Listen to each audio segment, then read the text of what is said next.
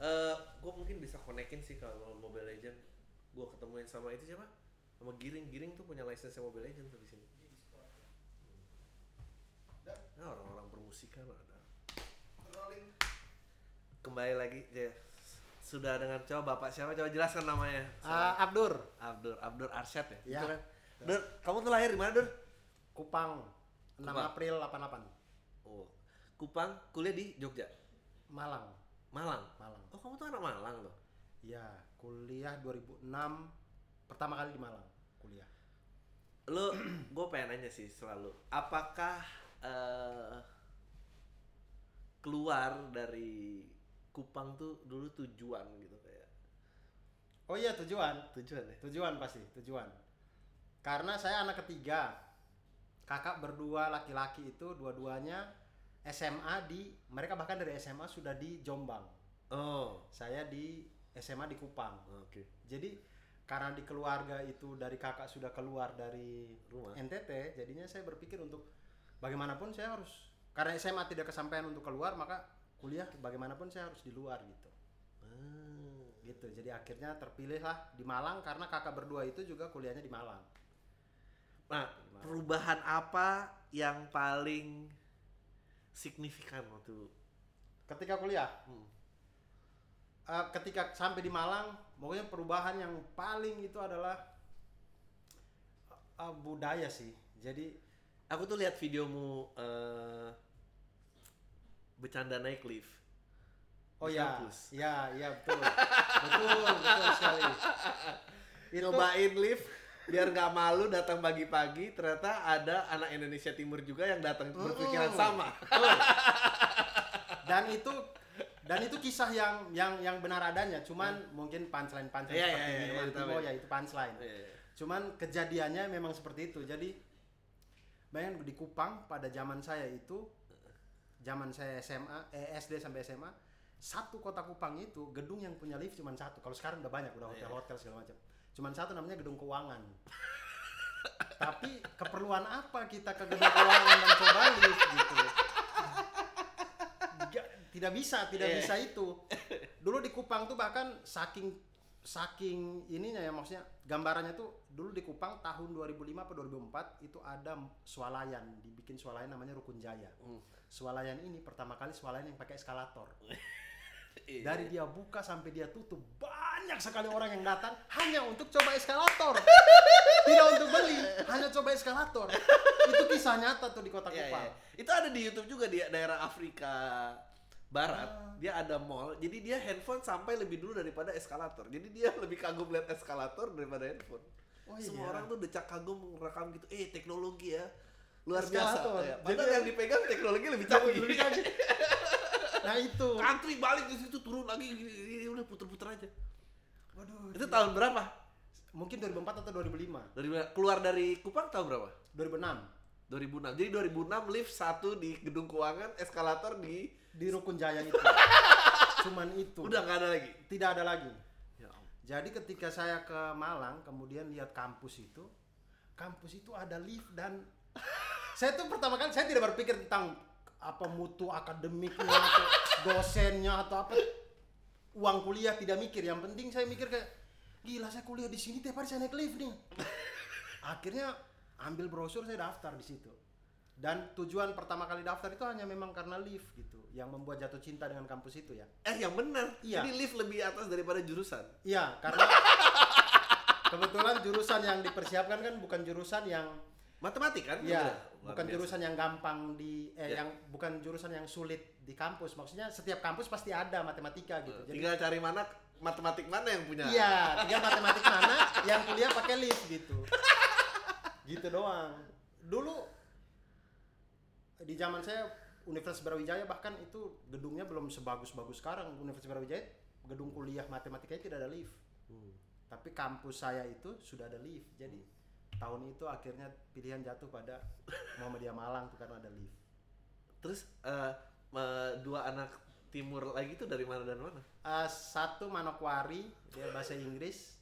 Satu doang Manokwari bahasa Inggris. Uh. Jadi di zaman 2006 saya masuk itu emang anak timur yang kuliah di situ masih sedikit, Bang. Hmm. Jadi kayak matematika itu kami satu kelas eh ada satu angkatan ada tiga kelas tiga kelas itu cuman dua orang nah, timur satu saya satu lagi dari Bima Hmm. terus bahasa Inggris satu angkatannya mereka itu cuman satu orang ini dari Manokwari ini yang kuliah di situ Hmm. pagi-pagi saya datang belajar lift dia juga ada dong dia juga ada saya pikir apa mungkin karena kita dari waktu waktu yang berbeda jadi mungkin pagi di sana kan lebih duluan Eh. jadi mungkin kita bangunnya kepagian kan waktu kita kan lebih dua jam jadi kita pikir kayak bangun pagi oh di sini ternyata masih subuh tapi kita pikir Iya. kondisi tubuh dan mikirnya itu Iya, iya, sudah iya. pagi gitu ke sana ternyata saya pikir dia kepagian ternyata tidak dia datang dengan niat untuk mencoba lift Itu juga itu ketahuan niatnya itu karena bicara akhirnya. karena ngobrol Akhirnya ngobrol. kan cuma dua orang ngebuka- doang ngebuka pembicaraannya? ah dua orang doang dia saya tahu dia bahasa Inggris karena kita sudah ospek sama-sama jadi saya tahu dia dari bahasa Inggris dan dia beda karena hitam sendiri jadi kita gampang gampang hafal. Jadi ketika saya tanya Paci ada kuliah pagi? Saya tanya gitu.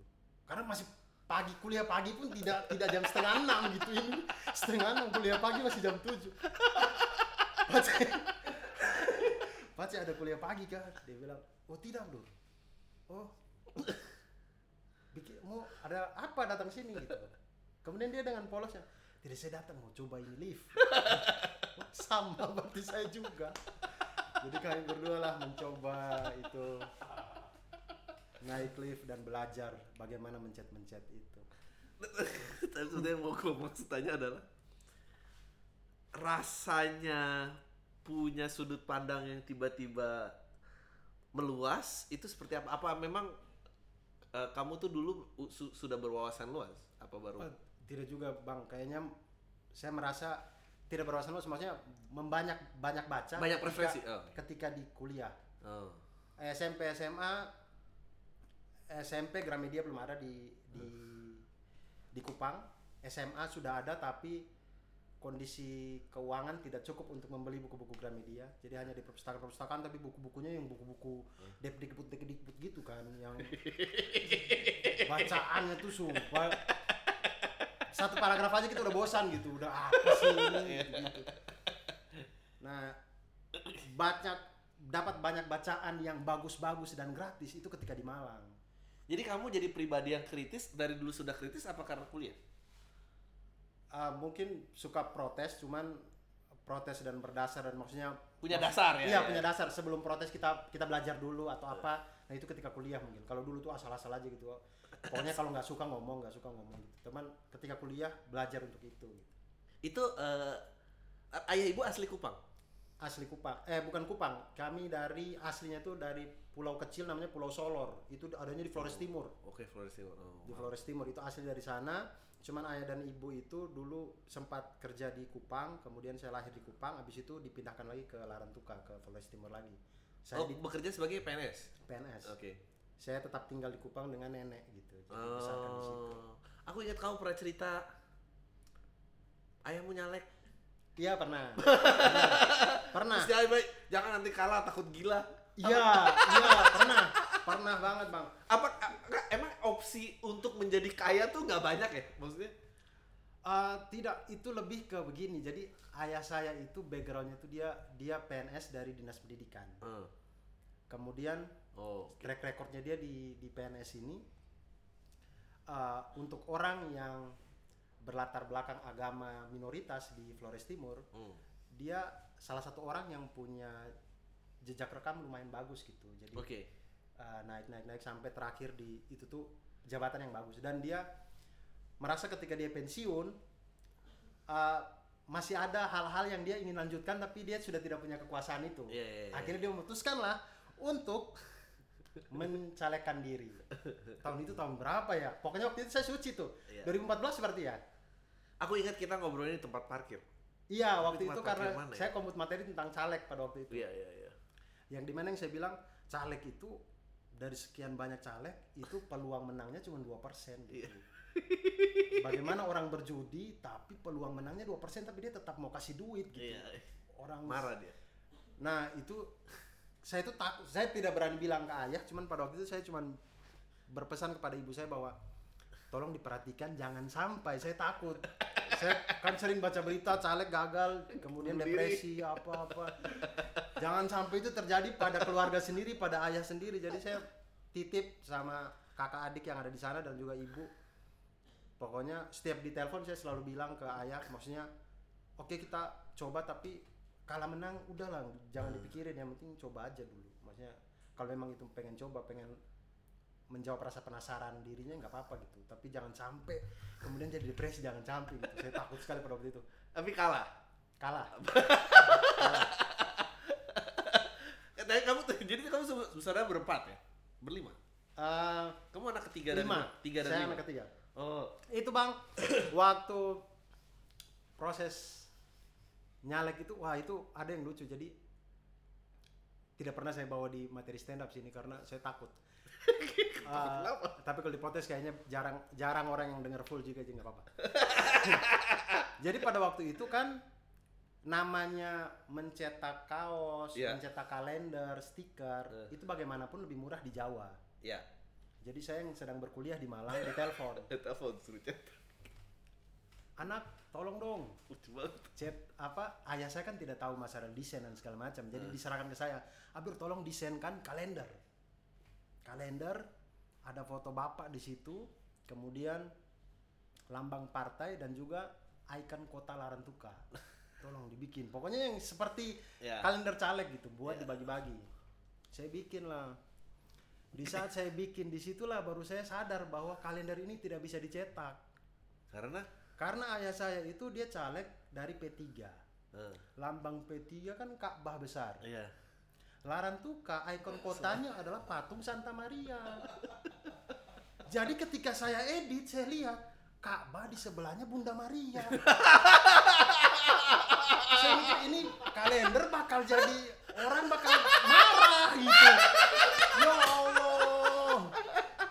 Akhirnya saya telepon ayah saya saya bilang kita bisa cetak kalender tapi tanpa ikon kota Larantuka atau tanpa Maka partai. logo partai. Ya. akhirnya dipilih pakai logo partai aja. Kota Larantukanya kasih pantai-pantai aja. Ya udah. Kita pantai-pantai aja.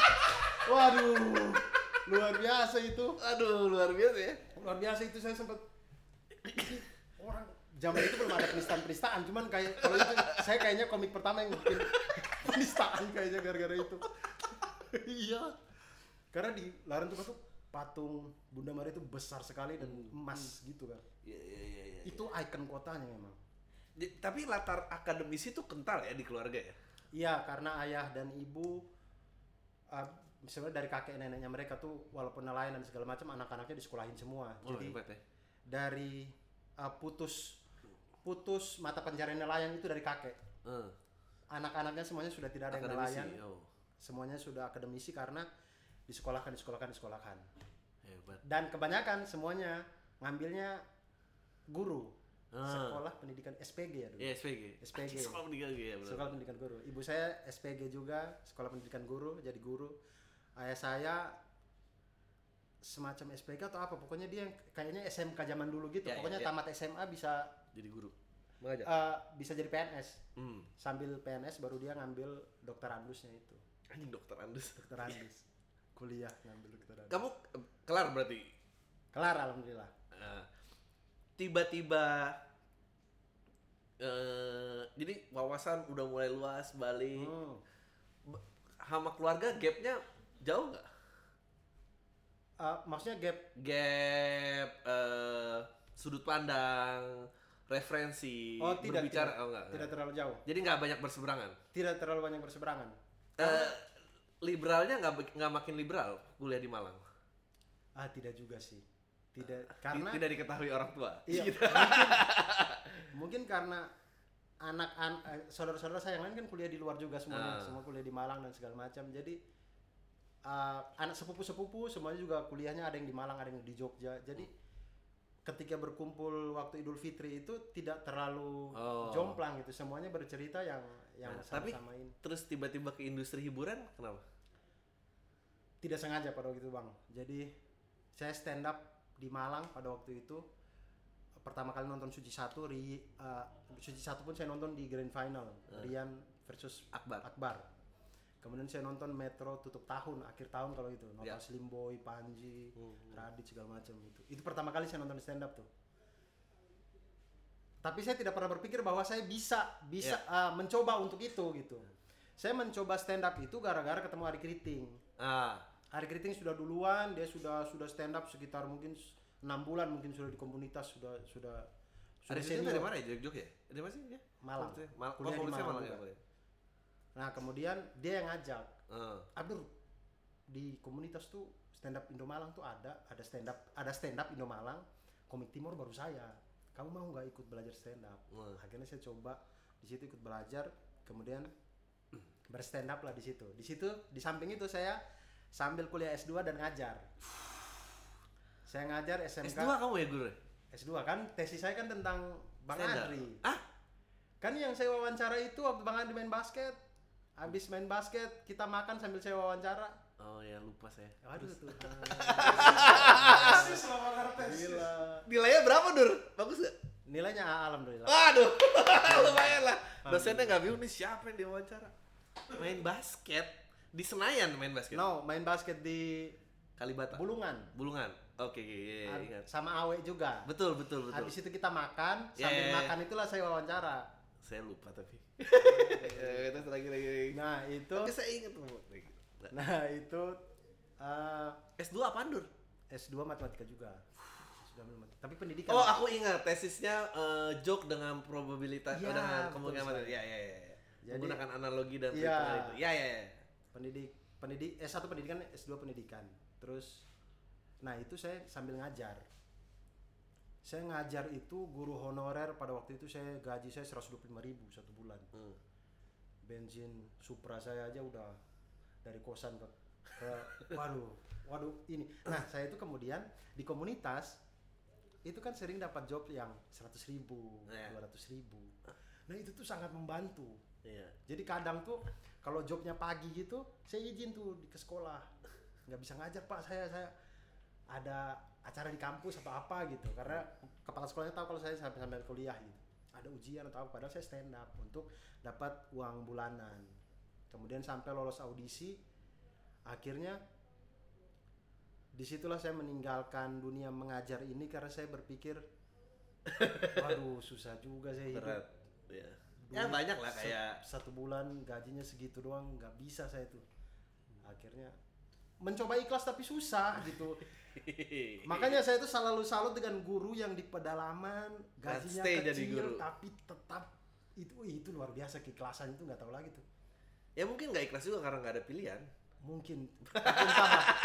Tapi saya pada waktu itu saya berpikir kayak susah banget ya kata orang jadi guru ikhlas apa nggak guna kita IP tinggi tinggi itu nggak guna.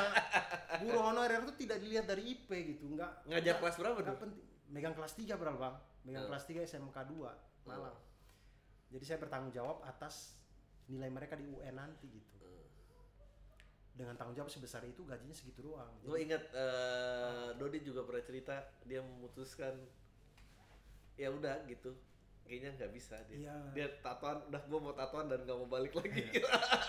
sus- oh, sus- sangat sangat sulit waktu itu. waktu ngajar kelas 3 gitu eh ada yang naksir lu nggak tuh? ada Pak lucu gimana ceritanya? Saya Muda. waktu di SMK-nya enggak Eh. jadi saya itu ngajar dua sekolah Eh. SMK Negeri 2 sama SMP 11 ada SMP Eh. yang di SMP ini kelas 1 saya megang kelas 1 SMP baru naik SD nih Eh. dari S baru baru SD baru masuk SMP nih. saya ngajar di situ ngajar suatu saat ketika saya mau keluar dari kelas saya dititipin sama temen-temennya gitu ada temen-temennya gitu bang Pak Abdur Pak Abdur. Eh, mereka terus sekolah se- sekolah bilingual gitu jadi panggilnya Mister Mister Abdur Mister Abdur. Oh. ada surat gitu. Saya mikir wah surat apa? Surat yang kertas dirobek kemudian yang dilipat-lipat model pesawat atau apa gitu. Ada surat. Oh iya iya, iya. terus saya bawa.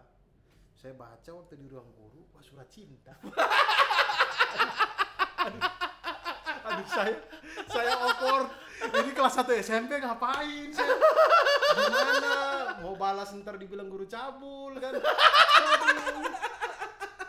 Kelas 1 SMP akhirnya di tapi saya tetap ngajar seperti biasa sampai di saya ikut audisi kemudian saya eh itu satu semester saya ngajar cuma Dia, satu semester kalau dia masih ada masih follow Instagram kamu masih follow sih ya Masih kita follow. panggil aja enggak deh masih follow sekarang sudah kuliah anaknya oh iya, iya.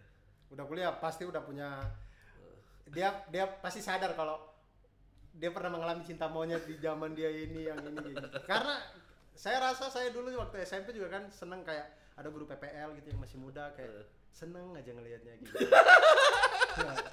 dialami juga sama dia nih kayak gitu ya nggak malu-maluin lah kalau sekarang jadi bintang mungkin dia juga cerita temen-temen ya Iya, udah ya. gitu tahu lagi di follow Instagram tai banget Iya karena waktu saya sudah uh, taunya di DM, di DM, Mr. Abdur, ini saya yang uh, Mr. Abdur. Kalau dia panggil Mr. Abdur berarti saya tahu kalau dia ini pasti SMP bekas situ. bekas murid saya gitu.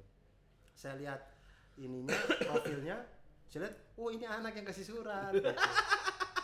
Oh iya gitu. Cuman dianya sudah Hmm. jauh lebih dewasa daripada pada waktu itu.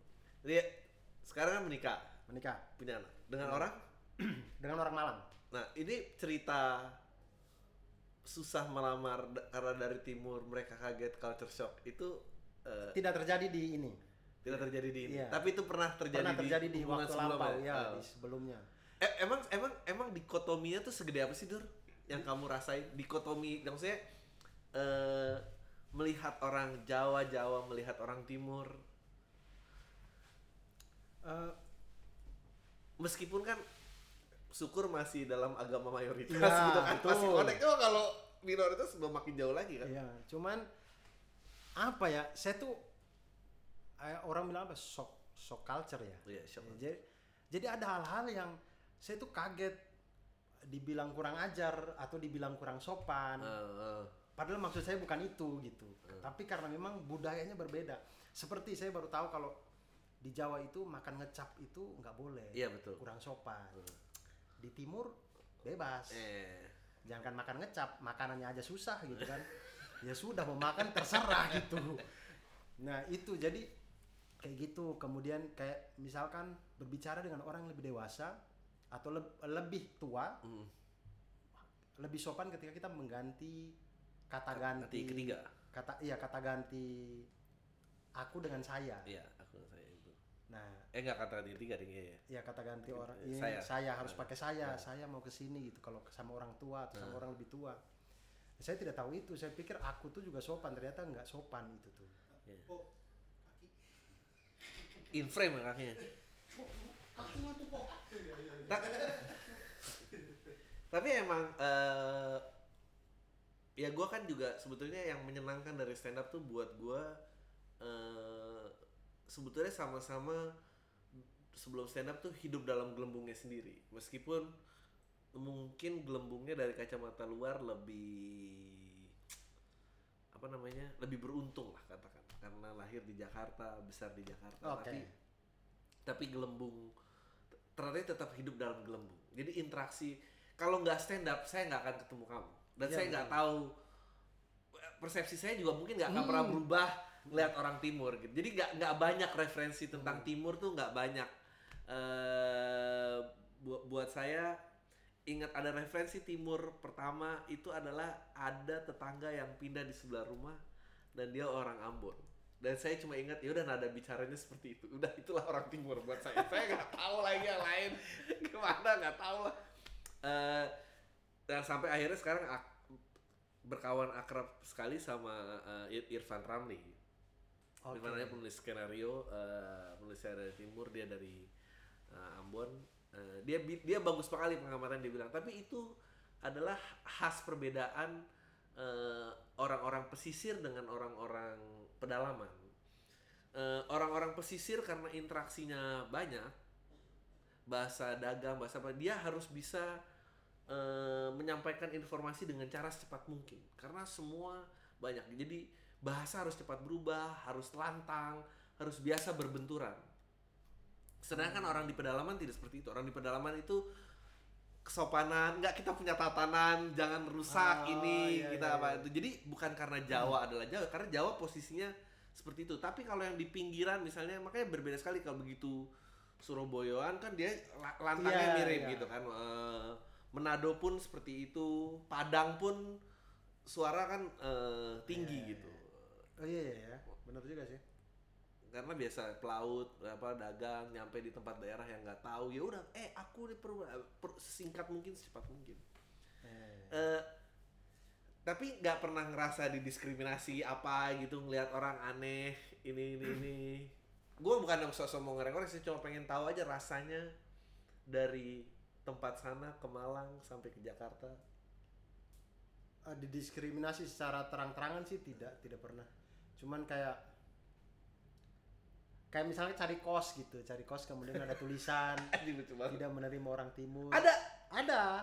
Ada di kalau sekarang di Malang itu ada sudah terpampang tulisan. anjing nggak boleh tuh ya terus Tapi kalau di zaman saya dulu tidak terpampang tulisan, hanya tulisannya menerima ada kamar kosong, tapi ketika kita tanya dan dia tahu kita dari timur, tiba-tiba tidak bisa di situ. Tapi kalau sekarang sudah terang-terangan karena memang menurut saya sih kadang-kadang anak timurnya juga memang tidak ini harusnya ya tidak memberikan dimana- contoh yang baik Iya, di mana bumi dipijak, di situ langit dijunjung. Jadi kalau datang ke Malang, datang ke Jawa atau apa, ya hormati budaya orang juga. Jangan jangan budaya timurnya kita bawa ke sini susah juga. Kayak kan di timur itu suka sekali. Di, jadi di timur itu kalau kita bangun pagi dan setiap rumah musiknya besar-besar itu tuh biasa. Iya Biasa, tapi untuk orang Jawa itu tidak biasa. Bangun pagi kenapa nih? Ada kondangan atau apa gitu. Nah, itu diterapkan di kos-kosan anak timur yang yang otomatis akan mengganggu orang gitu yang jadinya ini mabok di jalan segala macam. ya budaya-budaya itu yang Eh, akhirnya membuat masyarakat saya rasa jadinya ada sebagian masyarakat yang tidak mau menerima orang timur di kawasannya mereka gitu. nah sekarang dari Malang lihat ibu kota tuh gimana Wah, apalagi ibu kota. Saya tuh Bang, saya tidak pernah punya mimpi nyampe di ibu kota nyampe di ibu kota. Bahkan punya rumah di pinggiran ibu kota. Eh, Tidak pernah punya mimpi sama sekali. Saya itu berpikir waktu itu saya kuliah, habis kuliah saya akan pulang mengabdi di kampung. Hmm. Sudah itu doang. Jakarta sebatas TV aja saya lihat. Tapi ternyata sekarang saya di Jakarta, hampir empat tahun ini sudah di Jakarta gitu. Lihat macet pertama kali aja senang saya tuh. Wah, Malang di zaman saya belum ada macet. eh Pertama kali saya ikut suci, kemudian kita jalan dari Pop Hotel Tebet ke iya Balai Kartini. Hmm. Macet pancoran itu saya sedang banget bang. Saya lihat, wah luar biasa ya orang-orang yang macet di bawah pancoran. Oh ini patung pancoran itu yang sering di TV. Kemudian lihat Metro Mini, lihat itu gitu-gitu, seneng banget gitu kayak asik banget itu ibu kota sepadat ini ternyata. Kakak saya waktu datang ke sini, waktu dia ada ada pelatihan gitu di sini, saya bonceng pakai oh kami pakai mobil. Jadi saya bonceng dia habis dari tempat pelatihan saya antar ke hotelnya pulang. Kemudian kita macet di Kalibata situ bang macet yang parah yang parah yang parah. Dari Duren 3 keluar yang dari Kalibata keluar. orang putar balik segala macam di macet. Kemudian dia tuh tiba-tiba ketawa gitu. Terus saya mikir kenapa ketawa? gitu. Kita lagi stuck nih lagi stuck nih. Ada motor di samping kiri kanan. Kemudian dia bilang hebat sih Dur. Di sini ya orang tuh macet mepet-mepet kayak gini tapi tidak ada yang tabrakan. Di timur jalan kosong dua motor doang bisa tabrakan karena di timur sebelum bawa motor mabok dulu jadi ya jalan gede dua motor juga tabrakan. Itu kakak saya gitu. terus saya tuh yang sadar gitu oh iya bener juga ya. Kemudian saya ikut ketawa gitu iya sih. Di sini tuh motor yang mepet-mepet pun spion mobil tuh sampai nggak kena gitu. Ya mungkin kalau kena ya bagi pasialnya gitu. Tapi dia bisa spion mobil juga dia bisa lewati gitu. Wah di sana bem iya bang sumpah. Sering sering banget terjadi da- kecelakaan. dari keluarga kamu paling jauh paling jauh nggak? Apa ada paling jauh maksudnya ada merantau. ada ah, merantau? Iya karena Wow. empat yang lain semuanya di sana. Jadi kalau pulang harus bawa predikat orang sukses dong ya? Ya alhamdulillahnya tidak begitu. Ya mungkin karena bisa dilihat di TV gitu. Oh. Jadi jadi tidak tidak ditanya-tanya atau apa mungkin mungkin kalau yang lain yang merantau yang mungkin tidak tidak ada di media pasti pasti ditanya mungkin Per- pernah ngerasa oh hidup kalau nengok belakang oh stop dulu Iya. Sep- 10 menit udah berarti itu ya Enggak, Enggak. 14 menit 29. oh tiga setengah jam malah. kuat 29 menit ini kamera ya Itu kan dipaksa stop di stop ya. Kalau enggak jalan terus. Ya. kalau ngalir gitu pas ngobrol jam mati. Sony biasanya 14 menit doang mati Iya. Ini lampunya. Ini yang itu bang apa tadi aku lupa paling jauh paling jauh Paling jauh saya. Eh. orang sukses orang sukses tidak Oh, tidak Hmm. Tidak ditanya prediksi orang sukses. Karena mungkin itu tadi terlihat di media. Jadi ya sudah keluarga-keluarga ya ya tahu oh Abdur sekarang sedang di sini, sedang di sini gitu.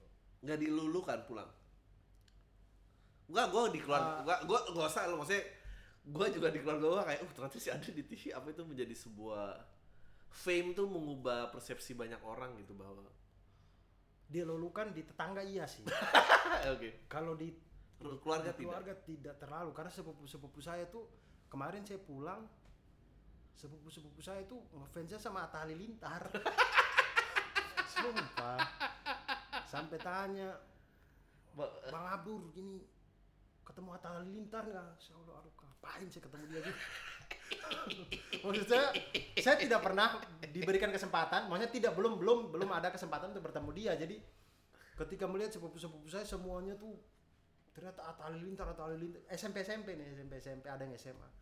Itu semuanya tuh ngefans Atta Halilintar, Atta Halilintar. Jadi di mata saya, eh di saya di mata mereka itu nggak ada apa-apa nggak ada apa-apanya. Oh gue ingat pertanyaan gue pernah ngerasa nggak nengok ke belakang hidup ih jauh banget ya Iya bang, iya pasti. eh ini kenapa sih lampunya Dia mati hidup mati hidup. Ada yang hidupin sanyo paling. Aduh aduh aduh aduh. Biasa di kosan gitu. ada yang biru jadi biru Keba Panas kali. kebakar mau dimatiin dulu lah apa gimana eh Nengok ke belakang. eh, Iya bang, pasti bang. Nengok ke belakang kemudian melihat gila berubah banget gitu. Kayak misalkan baru-baru ini kayak abis bikin rumah. Kemudian ketika pindahan, ketika saya angkat barang-barang masuk ke rumah itu, malam kan kita pindahan. Malam-malam tuh saya berdiri di depan pagar, kemudian saya lihat rumah itu. Saya mikir kayak saya tuh tidak pernah punya mimpi merantau dari desa di pelosok Flores Timur sana kemudian bisa punya rumah di kota besar gitu. Wah itu mimpi banget. Kayak kayaknya 10 20 tahun yang lalu saya nggak pernah punya mimpi ini tapi ternyata luar biasa. jalannya tuh bisa aja gitu. Wah luar biasa sih. Luar biasa bang. Sumpah. Nah, tapi eh, eh, dari keluarga besar yang kawin beda suku semua orang apa hanya kamu aja? Oh uh, Banyak banyak banyak. Uh, paman-paman saya ada istrinya orang Bali ada yang orang Sunda ada yang orang jadi udah nggak Iya, tertutup orang gitu ya udah Iya. nggak ini ya. Tidak jadi banyak yang nikah dengan jodohnya tidak dengan orang Flores Timur juga gitu.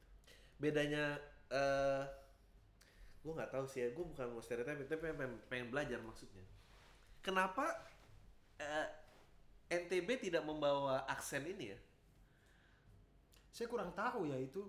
Ya dia tuh jatuhnya timur apa bukan timur sih? Timur dong mestinya kan harusnya masuk timur karena kalau Sulawesi diklaim sebagai Indonesia Timur iya dia bawa semua. NTB harus masuk Indonesia Timur. Iya. Karena Regen nggak berbicara dengan nada Polinesia maksudnya iya. Mungkin karena Regen dia sekolah dari sekolah di sini jadi luguenya sangat lancar. Oh ya dia lahir di sini betul. Iya, saya ingin sekali lu gue, cuman ketika saya lu gue tidak enak didengar gitu. Jadi saya sadar diri itu.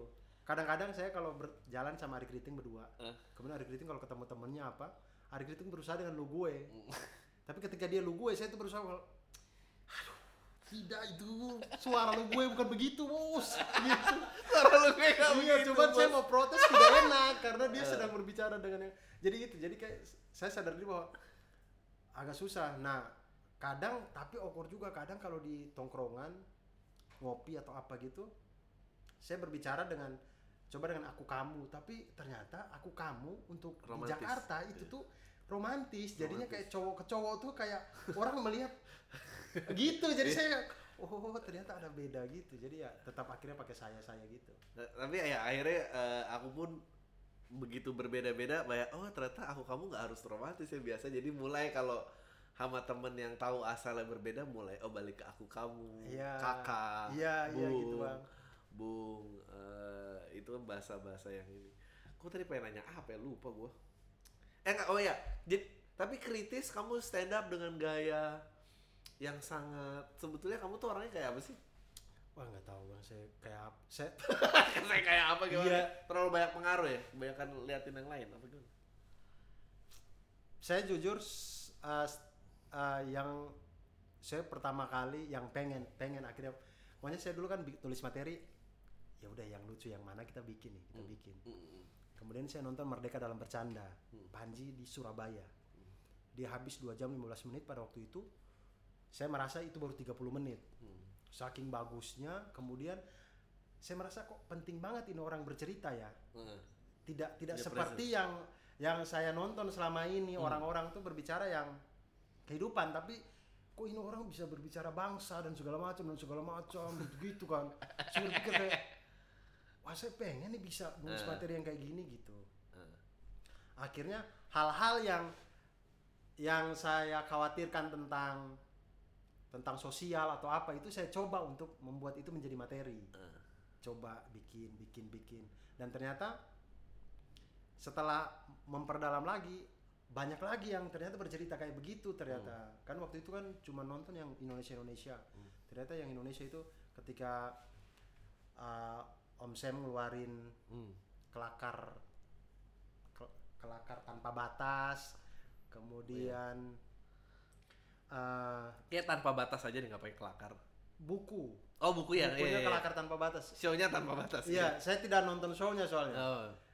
download tidak ada uang pada waktu itu jadi kelakar tanpa batas itu yang saya beli bukunya kemudian saya baca nah di situ juga ternyata oh bisa eh, bisa dibuat ternyata materi-materi yang kita meres- resah-resah itu. Akhirnya saya coba tuh.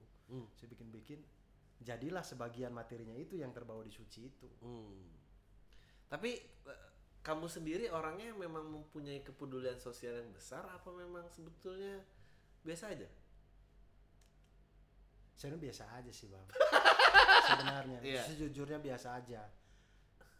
Cuman saya adalah orang saya sadar saya itu adalah orang yang gampang menangis saya gampang merasa sedih saya bahkan bawa motor di rel ketemu anak kecil yang minta-minta aja saya bisa nangis Se semudah Pujangga lah ya, pujangga. Iya, semudah itu saya disentuh untuk menangis tuh gampang banget. Eh. Jadi um, ketika sedih itu muncul, saya tuh merasa kayak harus harusnya hidup nggak gini dong. Harusnya Hmm.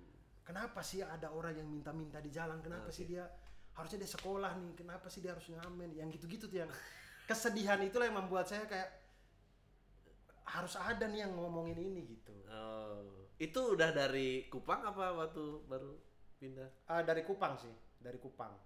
Pernah terlibat apa gitu masih? Pergerakan apa? Saya- Organisasi? Saya SMA anak pang sih bang. gitu. saya SMA. Nah, lucu nih. Nah, ini dia nih. Bukan pang sih skinhead sebenarnya. SMA karena saya sering botak, sering botak, sering botak. Kemudian pang di tahun 2004, 2003, 2004, 2005 itu ideologi pang pertama kali masuk. Apa ideologi punk yang membuat kamu ini dia nih jalannya? Pokoknya saya pada waktu itu anti kemapanan, pokoknya anti diseragamkan, Oh. pokoknya bebas berekspresi, pokoknya di tas saya tuh ada anarki, Swastika. anarki plus equality plus peace sama dengan freedom. Pakai tip X. Pakai tip X. Itu pokoknya kalau udah ada tas di tip X begitu anak pang Oke. pasti anak pang. Nah, saya karena sering botak-botak dan di masalahnya Di Kupang emang simpangnya gede. pada waktu zaman saya 2005 itu kami memulai. Sekarang udah gede, Bang. Jadi band semua apa itu ada. Iya, sekarang, oke. sekarang udah sudah gede. Dulu itu eh, angkatan-angkatan kami yang emangnya ada yang tetua juga tapi saya termasuk yang generasi awal Simpang di Kupang. Namanya ST Pang, Setanggi Timur Pang. Iya bang, Setangi Timur Bang. Setangi itu artinya bau dupa, Iya, iya. wewangian. Jadi wewangian timur, wewangian pang dari Kupang. Itu SMA. Orang timur ngepang aja romantis ya. Iya. Nah, masalah kenapa saya memilih untuk skinhead selain karena botak? Yang berikutnya karena rambut saya tidak bisa mohak. Iya, nggak bisa mohak. Dikasih itu lem Weber pun tidak tidak bisa. Tetap tetap tetap kegulung. Tidak bisa bang, tidak bisa yang Iya, kayak nggak bisa, poster-poster rancid yang begini-begini tidak bisa gitu. Jadi lucu banget. Akhirnya botak aja skinhead. Oh ternyata ada skinhead nih. Pakai Doc Mart, gulung-gulung celana, pakai apa yang tali sheet apa itu sih? Battle. itu skinhead. Suspender. Iya, iya. Working class. Oh oke siap. Working terus class, siap. terus saya baca-baca, oh kata, kan internet pada waktu itu masih susah, handphone masih Nokia gitu. Kata, jadi kita tuh ada satu sumber anak yang pernah dia main ke Jakarta, main ke Malang, main ke mana. Nah dia nih yang menjadi sumber Wikipedia kami soal punk dan skinhead. Kami tanya, Kayak dia- nelayan yang berpulang ya, Iya, ditunggu ceritanya ada apa di dunia sana. Ya, dia yang menjelaskan tentang Abdul udah skinhead aja, botak, ntar stylenya tuh Doc Mart, gitu-gitu dijelasin. Kemudian skinhead itu pokoknya working class, kemudian pecinta bola. Oh cocok, pas kami pecinta bola. Jadi oh mantap skinhead kayaknya nih, skinhead akhirnya skinhead, itulah bang. Kita ini sampai sekarang gede spang di ini. Saya kami adalah pengamen pertama di Kupang. Sekarang di Kupang udah banyak pengamen. Kami pertama kali yang ngamen di Kupang. Teman-teman pengamen itu masih ada yang keep kontak. Sekarang sudah tidak ngamen. Masih keep kontak, masih ada grupnya. Cuman sekarang udah tidak ngamen. Eh, banyak yang sudah ada yang buka ada yang buka usaha fotokopi, ada yang usaha galon, usaha macam-macam. Bagus. Cuman sudah sudah tidak di jalan yang seperti dulu. Nah, yang di jalan yang seperti dulu tuh yang anak-anak yang baru-baru aja sekarang. Aku saran buat kamu ya. Hmm. Ajak mereka reuni taruh di konten YouTube kamu. Ada pasti mau yang nonton. Ngamen main. Iya cerita itu iya seru. Cerita lah. Ada yang bikin fotokopi udah apa hidup berubah gimana. Iya, ya. Iya, Tapi Mbak. masalahnya kalau ngumpul mabok sih. itu ya aduh. agak sulit, agak sulit.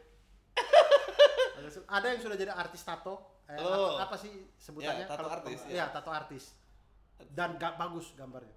Dan saya baru tahu dari dia bahwa ternyata untuk belajar menjadi tato artis itu belajarnya di tubuh sendiri. Iya ya. Tato di tubuhnya itu nggak ada yang bagus bang. Hancur-hancur gitu. Tapi begitu dia bikin dan diposting di Facebooknya dia, itu bagus-bagus. Badannya udah semuanya udah tato semua hasil dari belajarnya dia itu. Nah itu salah satu teman juga. Tato artis, Hebat. bukit tato artis di Lombok sekarang. Oh hebat. Mm-mm. Tapi kamu nggak pernah ada keinginan menaklukkan ibu kota apa gini nggak ada? Tidak, tidak punya. Oh. Kirain kan dari pang jalanan, wah Saya- establishment tuh ibu kota sampah mau mau runtuhin nggak ya? Tidak, tidak pernah. Cuman pertama, saya pertama kali ketemu marginal aja saya mau nangis gitu ketemu marginal. Oh. Karena SMA saya hidup dengan kaset-kasetnya mereka gitu. Itu kasetnya itu, ya ada yang Wikipedia ini, dia yang punya kaset aslinya, Eh, dia bawa tuh. Sama kami semuanya kita copy. eh. Tab deck A, deck B, Oh, iya. record awal sampai akhir. Itu tuh kaset-kaset ayah saya yang kayak J- eh, Zaidun MZ itu saya, saya Tiban. timpa, saya timpa pakai marginal. saya timpa pakai marginal.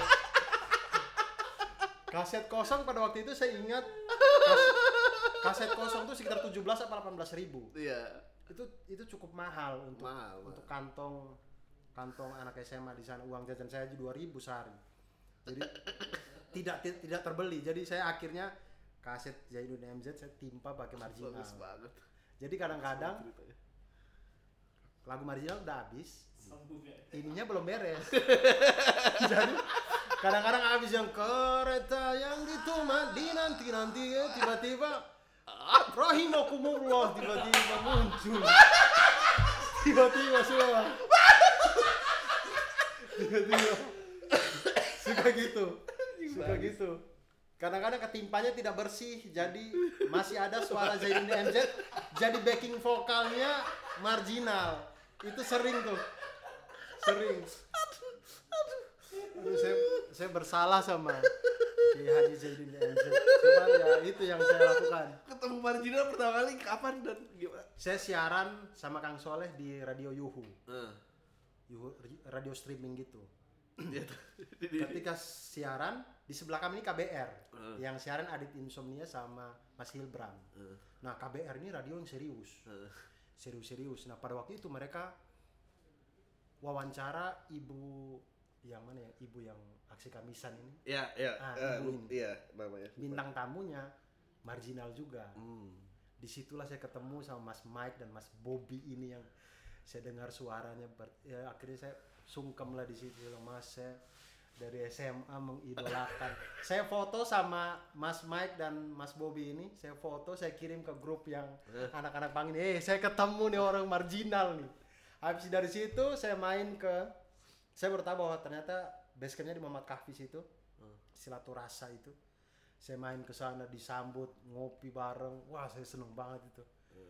Akhirnya yang saya idolakan saya bisa datang dan ternyata tuh gampang banget kalau mau ketemu marginal tinggal main ke sana. Iya, semudah itu cuman marginal tuh tumbuh di di dalam kepala saya itu tidak sebagai orang yang mudah ditemui dia itu sebagai artis besar yang Dewa di mana gitu ya? ya orang lain slang saya tuh marginal gitu kayaknya susah buat ketemu marginal ternyata semudah itu tinggal main doang dan ketemu itu Aduh, marginal banget. ya. Ini berapa menit sih? 46. Oh ya, masih lama, 15 menit lagi. Eh, terus ning- ninggalin pang kenapa? ninggalin pang karena saya kenal agama di Malang. Oh. saya kuliah di Muhammadiyah Malang. Oh, jadi religius baru di Malang. yes. Sebenarnya ditanamkan di keluarga. Hmm. ayah dan ayah dan ibu tuh adalah orang yang anaknya harus bisa ngaji. Harus bisa sholat waktu. harus bisa sholat. Pokoknya kalau tidak sholat dipukul yang gitu-gitu. Yang dimarahin yang gitu-gitu. Dan itu sudah makanan sehari-hari tuh. Tidak sholat dipukul tuh itu udah hal biasa. Iya. dan tapi kesadaran untuk Ya, mengerti mengerti bahwa dan eh, saya harus sholat nih Hmm. bukan karena takut dipukul Hmm. itu ketika di Malang Hmm. di Malang pertama kali saya datang itu saya masih bergabung dengan sin sin pang yang ada di Malang saya berkenalan tuh dengan teman-teman yang teman-teman pang di Malang satu momen yang membuat saya sadar adalah ketika ada satu malam minggu saya tidak jadi ngumpul bang Hmm. tidak jadi ngumpul kemudian paginya saya itu ditelepon sama temen di situ.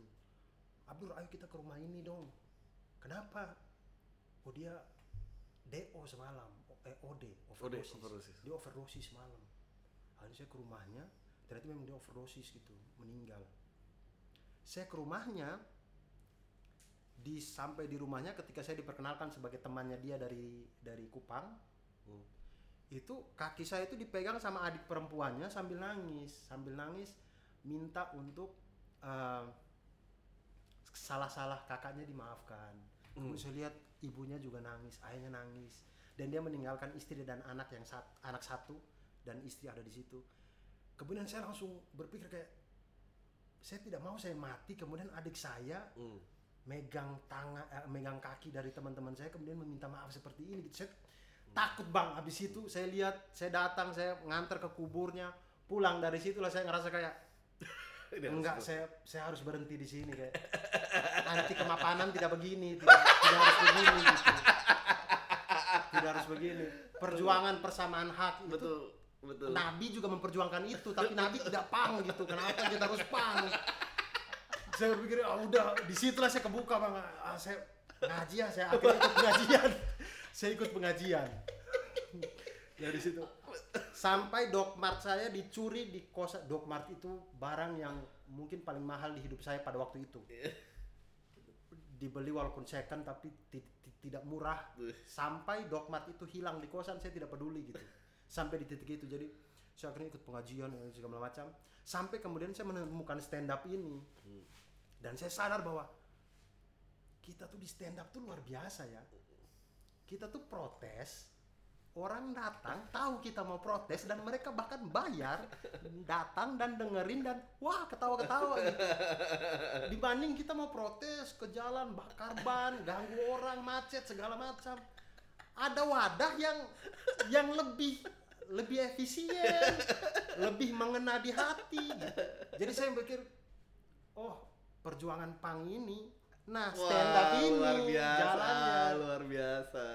jadi menurut saya stand up stand up itu adalah jalan protes yang paling enak sih bang Tapi tapi memang aku tuh ngeliat kamu memang eh, bukannya mau bisa-misain orang, tapi ada orang yang gue tahu nih dia udah ngelewatin hidup banyak. Makanya berbicara tidak asal-asalan. Ada yang berbicara, ah gue gue nggak tahu siapa yang udah lewatin tapi ya kayaknya ya mungkin mungkin nggak tahu juga sih bang kayak nah set. abis itu pola pikir berubah bolak balik apa segala macam. Sekarang di Jakarta dengan fame yang seperti sekarang eh, lebih mudah menjaga value apa lebih sulit apa? Godaan ibu kota paling keras lah menurut kamu apa? Ekstasi sih. Sejujur. Sejujur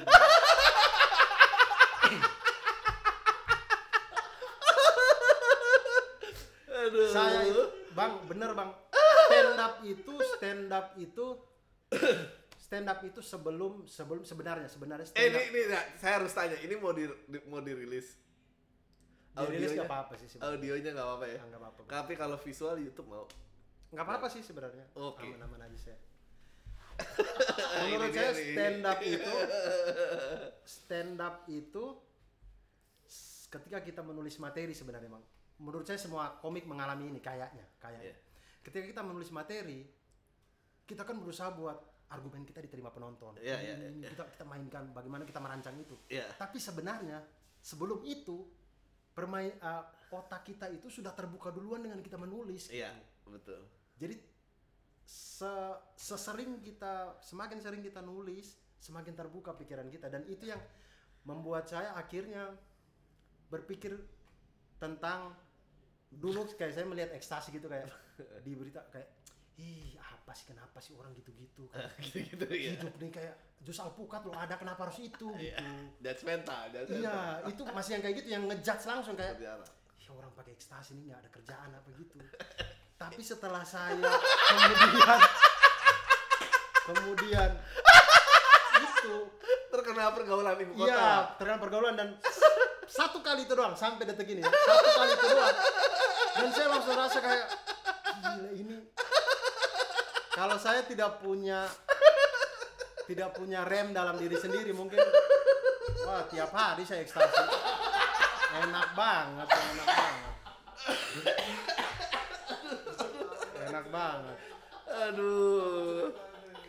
Gue inget cerita gue inget cerita detailnya waktu kita lagi iya, stand up hutan tapi nggak gak usah dipublish lah. Kalau nggak tergawat ya itu ke mana-mana. itu jadi di situlah saya mulai saya bisa jadi bisa berpikir dari sudut pandang orang pemakai jadi ketika ada pemakai kemudian dijudge sama dijudge saya merasa bahwa enggak enggak. Kalian belum pernah merasakan posisi dia. Jadi kalian tuh ngejudge langsung. Enggak enggak bisa gitu. Gitu saya jadi terbuka jadi oh iya benar nggak nggak bisa dijudge. Itu tuh harus dirangkul harus dipelan-pelan. Harus gitu harus gitu. Nggak bisa nggak bisa. Aduh. Ya gitulah pokoknya. Ya tapi saya tidak tidak membenarkan ya tidak membenarkan itu maksudnya cuman saya mengerti kita gitu. tahu itu salah tapi cara cara cara kita mengatasinya tidak dengan ngejudge tidak dengan ini dan segala macam gitu Oh, masuk masuk aja. Mas Patrick luar biasa. Aduh. Udah berapa menit ya?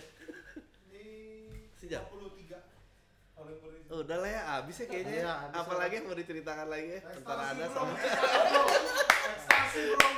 udah ya itu semua tahu semua deh